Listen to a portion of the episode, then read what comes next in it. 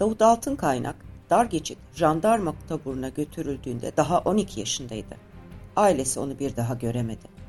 1995'te Davut'la birlikte zorla kaybedilen 3'ü çocuk toplam 8 kişi için davanın açılması için tam 19 yıl geçmesi gerekecekti. Davut'un babası atıldığı kuyu bizzat elleriyle kazdı, kemiklerini buldu. DNA testleri, tanıklıklar, her şey dönemin jandarma bölge sorumluları olan Mehmet Tire ve Hurşit İmren'e işaret ediyordu. Her ikisi de bırakın cezalandırılmayı ödüllendirilmişti. 2019-2013 arası Bodrum Gümüşlük Belediye Başkanı olan Mehmet Tire, 2015'te AKP Muğla milletvekili adayıydı ve halen AKP teşkilatında görevli. İmren de 2009'da CHP Sivas Çepli Belediye Başkanı oldu.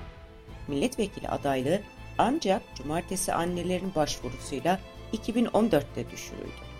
İkisi halen yargılanıyor. Dar geçit davası 90'lardan günümüze gelebilen az sayıdaki faili meçhul davalardan biri. Çoğu dava cezasızlıkla sonuçlandı, failler beraat etti. 10 Aralık İnsan Hakları Günü vesilesiyle arka planda iletişim yayınlarından çıkan iki kitap üzerinden cezasızlığı ele alacağım bugün. Amacım sadece JITEM davalarında değil, yakın dönemdeki tüm yaşam hakkı ihlallerinde de adalet arayışının ne kadar zorlu bir süreç olduğunu sizlere anlatabilmek. Hazırsanız başlayalım.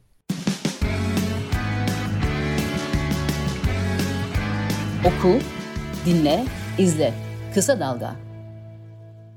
Herkese merhaba, ben Mehve Şevin. Sedat Peker'in bugünden geçmişe uzanan itirafları uzun süredir gündemde. Kıymetli dostlarım, kıymetli kardeşlerim, her zaman olduğu üzere söz verdiğimiz gibi gene buradayız. Kim kaç ton kokain ticareti yapmış, kim kime kaç milyon dolar rüşvet vermiş, hangi cinayet nasıl örtbas edilmiş soruları çok önemli elbette. Ancak bu konular heyecanla konuşulurken unutulan veya üzerinde çok durulmayan husus, bu suçlara karışanların sıradan vatandaşların hayatını nasıl yakıp yıktığı, adalete, adalet duygusuna nasıl zarar verdiği. Türkiye'deki cezasızlık kültürüne aşina olanlar için Peker'in işaret ettiği Mehmet Ağar gibi isimlerin soruşturulmaması, yargılansa da göstermelik cezalarla kurtulması maalesef şaşırtıcı değil. Zira cezasızlık Türkiye'de bir devlet geleneği haline aldı. Sadece siyasi içerikli davalar değil, sosyal cinayetlerde benzer bir cezasızlık zırhıyla karşımıza çıkıyor. Sorumluların mahkemeye bile getirilmediği, hatta ödüllendirildiği, mağdurların ise resmen cezalandırıldığı bir ülkede yaşıyoruz. Oysa herkes için adalet istiyorsak, bu talepte samimiysek, bu yoz düzenin değişmesini gerçekten arzuluyorsak, hak ihlallerinin öznelerine ve adalet mücadelelerine kulak vermemiz şart.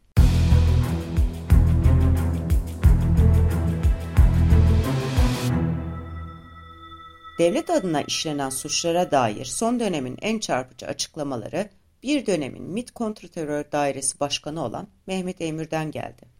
Eymür, Halk TV yayınında işkence ve adam öldürmeye dair sorular sorulduğunda şöyle tepki verdi. devlet e, bir takım yöntemler kullanabilir yani.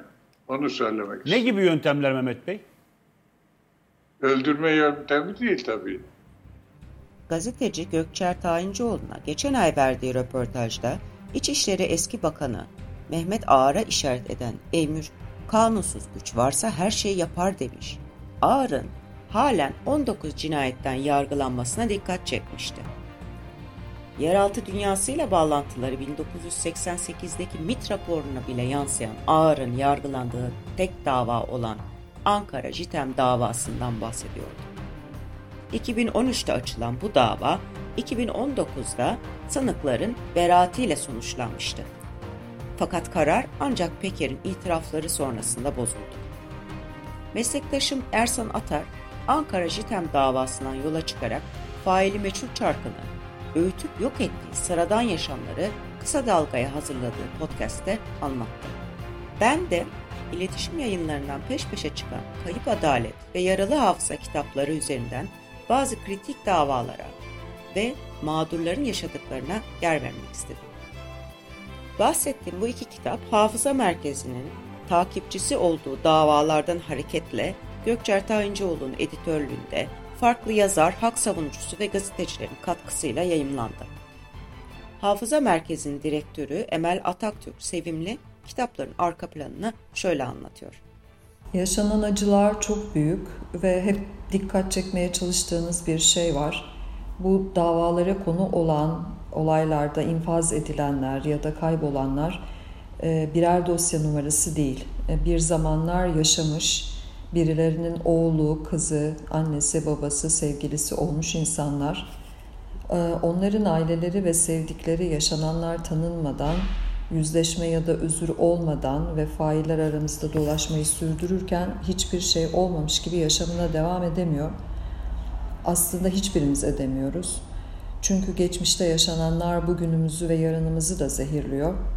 Bu kitaplar biraz aslında bu hisleri herkese ulaştırmak için hazırlandı. Ee, herkese hakikat ve adalet mücadelesine kulak vermeye çağırmak istedik. Cezasızlığın, adaletsizliğin, devlet adına işlenen suçların üstünün örtülmesi denince akla ilk gelen JITEM yapılanması. Kayıp Adalet kitabında JITEM'i yazan Kısa Dalga yayın yönetmeni gazeteci Kemal Göktaş, işlenen cinayetlerin ve pervasızlığın boyutuna dikkat çekiyor. Kitapta ben JITEM bölümünü yazdım. JITEM bölümünü yazarken buna JITEM Devleti adını verme uygun gördüm. Çünkü JITEM'in kuruluşu, işleyişi ve yaptığı faaliyetler devletten ayrı değerlendirilemez asla. Aslında Türkiye Cumhuriyeti tarihi de aynı zamanda bir derin devlet yapılanmasının tarihi olarak okunabilir.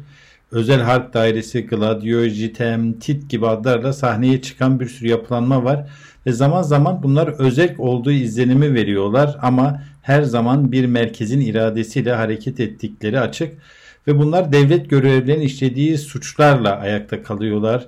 E, bu da e, Türkiye Cumhuriyeti tarihinin en kanlı sayfalarını oluşturuyor.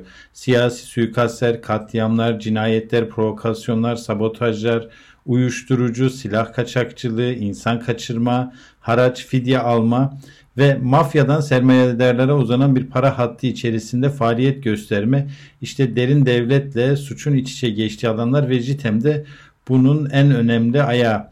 E, bu kanlı ve kirli tarihin en önemli dönemlerinden biri 1990'lı yıllarda Kürt illerinde yaşandı. Yargısız infazlar, işkenceler, gözaltında kayıplar ve katliamlar aslında herkesin gözü önünde yaşanıyordu. Pervasızca işleniyordu. İşte JITEM bütün bu kötülüklerin merkezindeydi. JITEM'i kim kurmuştu? JITEM'i devlet kurdu tabii ki. Bir grup subay üstlerinden aldıkları emirle itirafçıları ve korucuları da yanlarına alarak terörle mücadele gerekçesiyle öldürüyordu, işkence ediyordu, adam kaçırıyordu.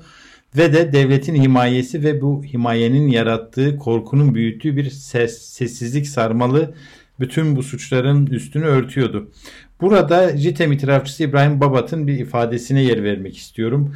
E, işledikleri suçları nasıl pervasızlıkla işlediklerini ve de neler yaptıklarını anlatan bir cümle. Şöyle diyor İbrahim Babat. PKK ile ilişkili olduğundan şüphelendiğimiz hemen herkesi infaz yetkimiz vardı. Bu insanları yakalayıp suçu varsa tespit edip adalete teslim etmek yerine faili meçhul bir şekilde öldürmeyi bir yöntem olarak benimsemiştik. Bizden istenen buydu. Bu tarzda talimat aldık diyordu. Aldıkları hiç kimse JITEM'in sorgusuna sağ çıkamıyordu. Yanlışlıkla alınmış olsalar bile JITEM'in eline düşmek ölüm demekti. Nitekim bir başka JITEM itirafçısı Abdülkadir Aygan örgütle hiçbir ilişkisi olmadığına kanaat getirdikleri üniversiteli çiftin sırf JITEM merkezinde sorgulandıkları için öldürüldüklerini anlatmıştı. Bu da gerçekten eşi zor bulunacak bir zalimliği ortaya seriyordu. E, JITEM'in tetiği çektiği Musanter cinayetinde de benzer bir yaklaşım var. Orhan Miroğlu orada yaralanmıştı. Orhan Miroğlu yerde yaralı yatarken onu hastaneye götürmek yerine en iyi Kürt ölü Kürttür diyerek ölmesini bekleyen polisler olduğunu biliyoruz. Bu da JITEM'in bir zihniyet olarak da devletteki hakimiyetini gösteriyordu. Kayıp Adalet kitabının devamı, daha doğrusu tamamlayıcısı niteliğindeki ikinci kitap Yaralı Hafıza, bu davaların, kayıpların insani yönüne odaklanıyor. Mehtap Ceyran, Pınar Öğünç, Sevilay Çelenk, Özlem Akcan, Sibel Oral, Pelin Buzluk, Hanife Kardelen Işık'la ben de mağdurlarla hak savunucularıyla yaptığımız görüşmelerden yola çıkarak onların sesi olmaya çalıştık bu kitapta. Yaralı Hafıza kitabı için ben de dar geçit JITEM davasını üstlendim. Hukuk mücadelesi süren Coşkun ve Altın Kaynak ailesi fertleriyle avukatları Erdal Kuzu ve Kuyu belgeselin yönetmeni Veysi Altay'la konuşarak hikayelerini aktarmaya çalıştım. Dar geçit davası en başta belirttiğim gibi faillerin hala ellerini kollarını sallayarak dolaştıkları JITEM davalarından yalnızca biri. Bu davaların açılabilmesi bile ancak 2012 sonrasında barış sürecinde mümkün olmuştu. Ve ne yazık ki çoğu beraatle sonuçlandı. Halen süren dar geçit davasını özetleyecek olursam, 1995'te Mardin dar geçitte 3'ü çocuk, biri uzman çavuş olmak üzere toplam 8 kişi zorla kaybedildi. Ailelerin savcılığa, karakollara yaptıkları başvurular önce onları saldık, sonra PKK'ye katılmışlar diye geçiştirildi. Aslında bu davayı mümkün kılan isimsiz bir ihbar üzerine kayıp Süleyman Seyhan'ın cesedinin bulunması oldu.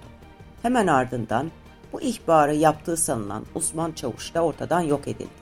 Seyhan'ın kemiklerinin bulunması, davanın ahime götürülmesi ve 2004'te Türkiye'nin tazminat ödemesiyle sonuçlandı. Diğer kayıp yakınları ise çocuklarından arta kalanları arıyordu. Avukat Erdal Kuzu'nun ısrarlı takibiyle dar geçit dosyası 2012'de kabul edildi, dava 2014'te açılabildi. Davanın açılması Ergenekon davasındaki itiraflar ve barış süreciyle mümkün oldu diyebiliriz.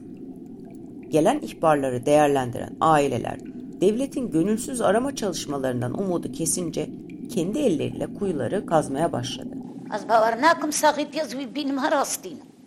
Gozwa hastiyacı bin vaka gom sağ diti. Ulo ulo başa ama gom hasti khub bebinim. Bir qası sal 19 salım pay hastiyat. Veysi Altay'ın belgeseli Kuyu'da kaybedilen Abdurrahman Coşkun'un annesi Hediye Hanım, biz Kürtler hepimiz kemik olduk diyecekti. Hediye Hanım, oğlunun kemikleri bulunduktan sonra vefat etti, artık ölsem de gam yemem diyordu zaten ama faillerin cezalandırıldığını göremedi.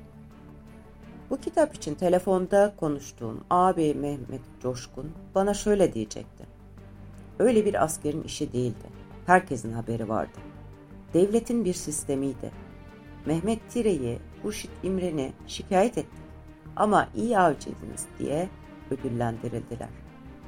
Benzer davalarda uygulanan mahkemeyi başka şehre taşıma, heyeti defalarca değiştirme, karar aşamasında başka mahkemeye havale etme gibi yıldırma taktiklerine rağmen aileler mücadeleyi sürdürmekte kararlı. 12 yaşında bir çocukken öldürülen, işkenceyle öldürülen Davut Altınkaynağ'ın annesi Hayat, dar geçitte sorguya alınıp bırakıldığında kendi gözleriyle oğlunu Filistin askısında gördüğünü mahkemede de anlattı. Hayat Hanım'la konuşamadım. Hem sadece Kürtçe konuşabiliyordu hem de psikolojik sorunları devam ettiğini söyledi kızı.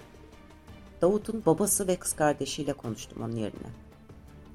Abi öldürüldüğünde henüz 15 günlük bebek olan Hazine bugün 26 yaşında. Üniversitede abisinin nasıl kaybedildiğini arkadaşlarına anlattığında ona inanmadıklarını söyledi. Hazine KPSS sınavına bile girmeyeceğini çünkü ailesini araştırdıklarında eleneceğini bildiğini de sözlerine ekledi. Ne kadar acı değil mi?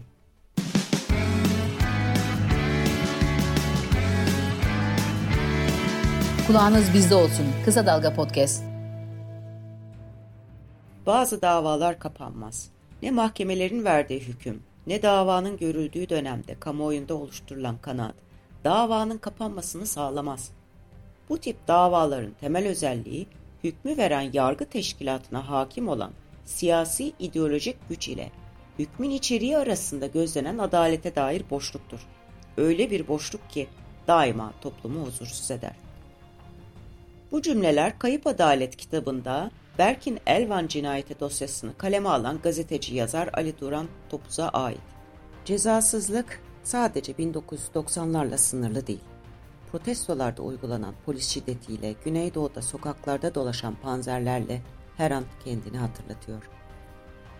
Orada panzer girmeyen ev yoktur başlığıyla yazdığı dosyayı yazar ve akademisyen Sevilay Çelenk'ten dinleyelim.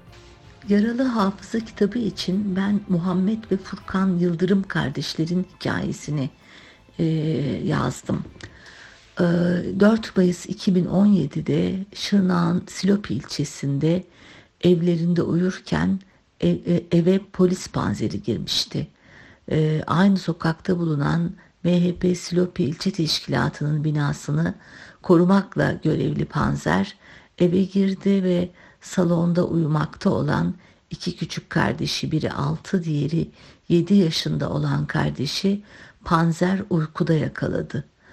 Ee, bu, bu aslında bu bile panzer uykuda yakaladı demek bile gerçekten vahim insan ne söyleyeceğini bilemiyor. İki küçük çocuk en güvende olmaları gereken yerde uykularında bir panzer tarafından öldürülüyor. Bu bir neredeyse sürreel bir şey. Fakat e, Şırnak'ta, Silopi'de çocuk hayatları düşünüldüğünde bunun öyle sürreel falan da olmadığını biliyoruz.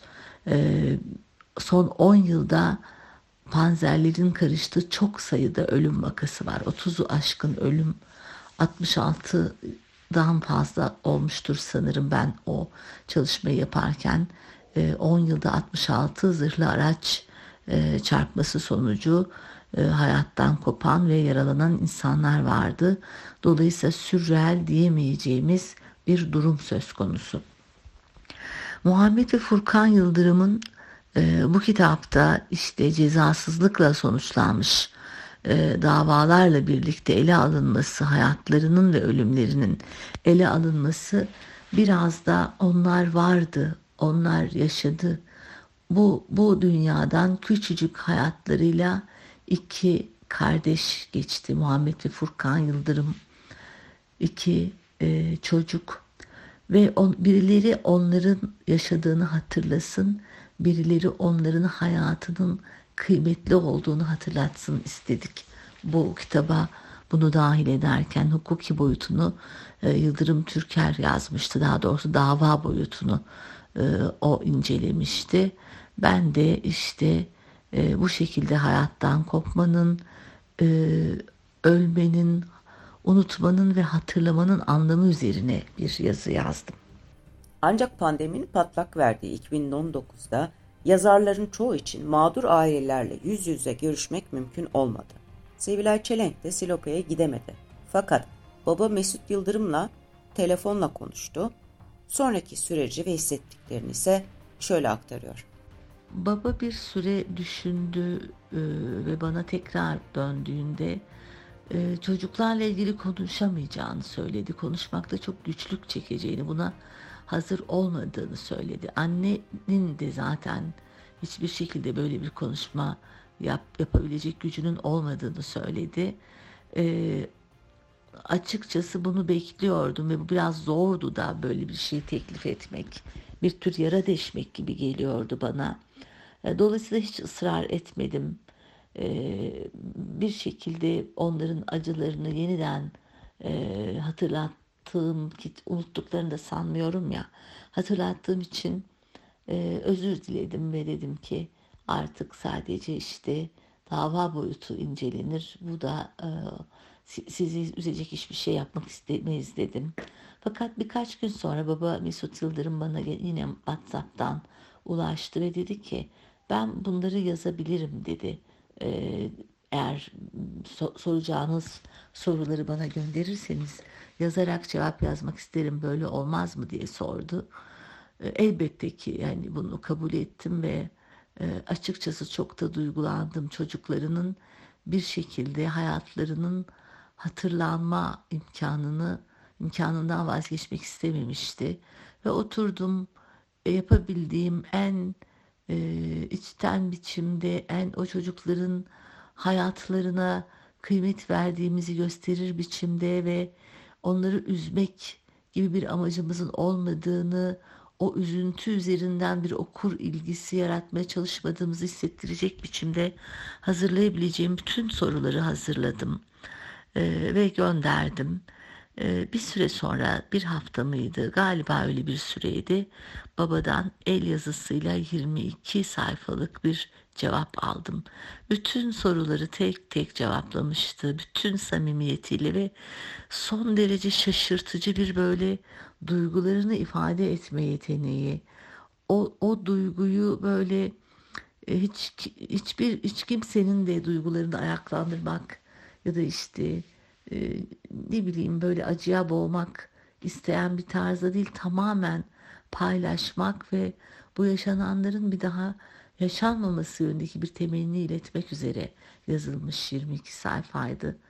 E, ve ben bütün metni bu, bu söyleşi, bu yazılı söyleşi, bu röportaj üzerine kurdum.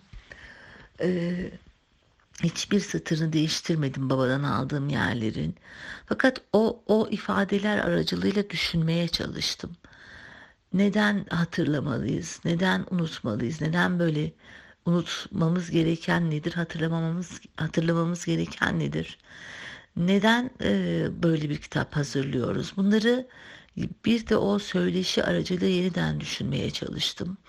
Sahiden de hep söylerim devam edebilmek için bazen biraz unutmak ama bazen de hatırlamak gerekir. Çünkü hatırlamadığımız şeyler de tekrar eder.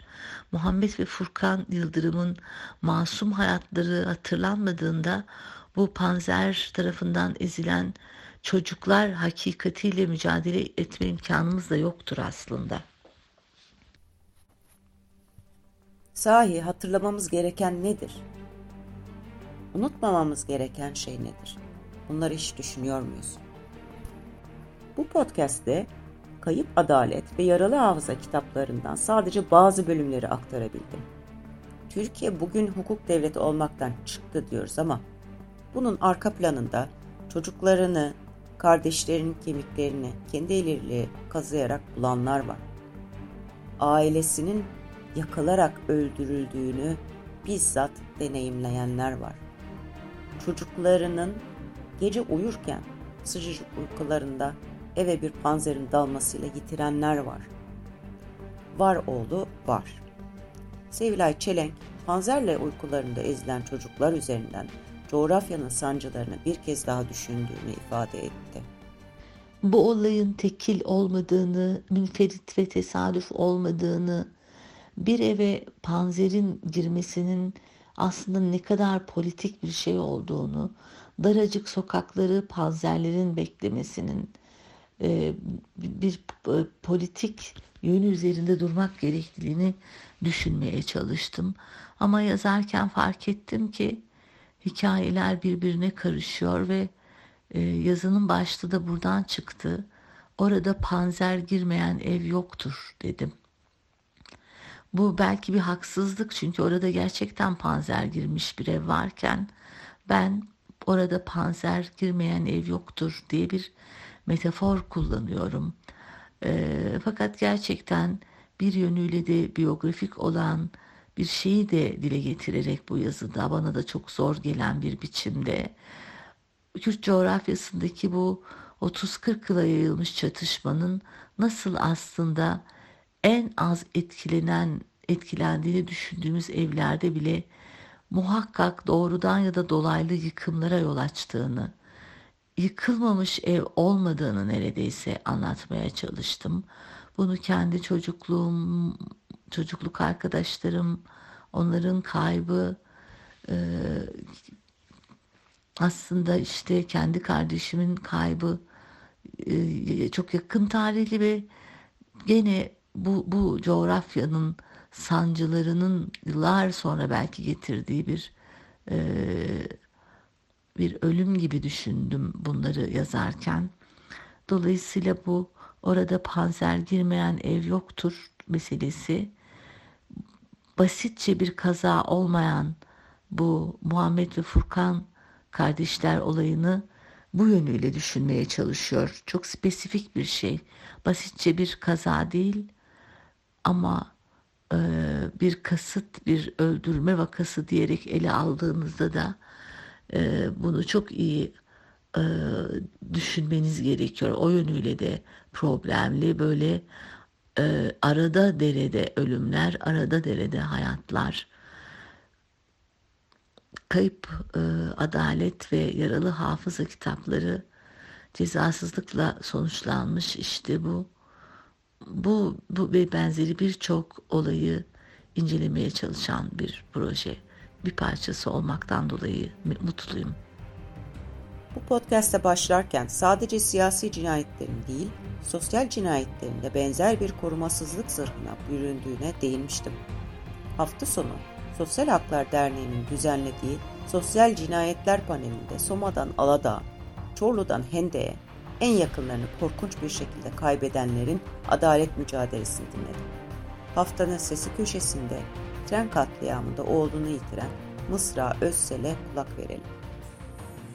Ne yapıyorsun diye soracak olursanız 1246 gün öncesinde durdum ben. Hiçbir şey yapmıyorum. Çalışmıyorum. Hiçbir şey yapmıyorum. Oğlumu bıraktığı yerde bekliyorum ve oğlumun beni bıraktığı yerde beni bulmasını bekliyorum. Bu ancak adaletle olacak. Bu ancak adaletle olacak. Benim için soğumayacak. Ben yasımı adaletten sonra tutmaya başlayabileceğim. Çünkü ben yas tutamıyorum. Çorlu'nun, Çorlu tren katliamının yargılama süreci başlamadı. Neredesiniz derseniz biz yargının başındayız. Hala bir savcının iddianame hazırlamasını bekliyoruz. 25 Ocak'ta duruşmamız var. 9. duruşma olacak. 9 duruşmada 4 tane sanığı yargılamaya çalışıyorlar, karşımıza getirip götür yapıyorlar. Bizleri mahkeme salonuna getirip duruyorlar ve sadece işte gazeteciyi, avukatı, aileleri yargılıyorlar. Çok adaletsiz. Arka planın sonuna geldik. Adalete ve hafızaya sahip çıkmanız dileğiyle iyi günler dilerim. Kısa Dalga podcastleri Demet Bilge Erkasab'ın editörlüğünde Mehmet Özgür Candan'ın post prodüksiyonu ve Esra Baydemir'in hazırladığı görseller ile yayınlanıyor. Kısa Dalga'ya destek vermek için Patreon sayfamızı ziyaret edebilirsiniz.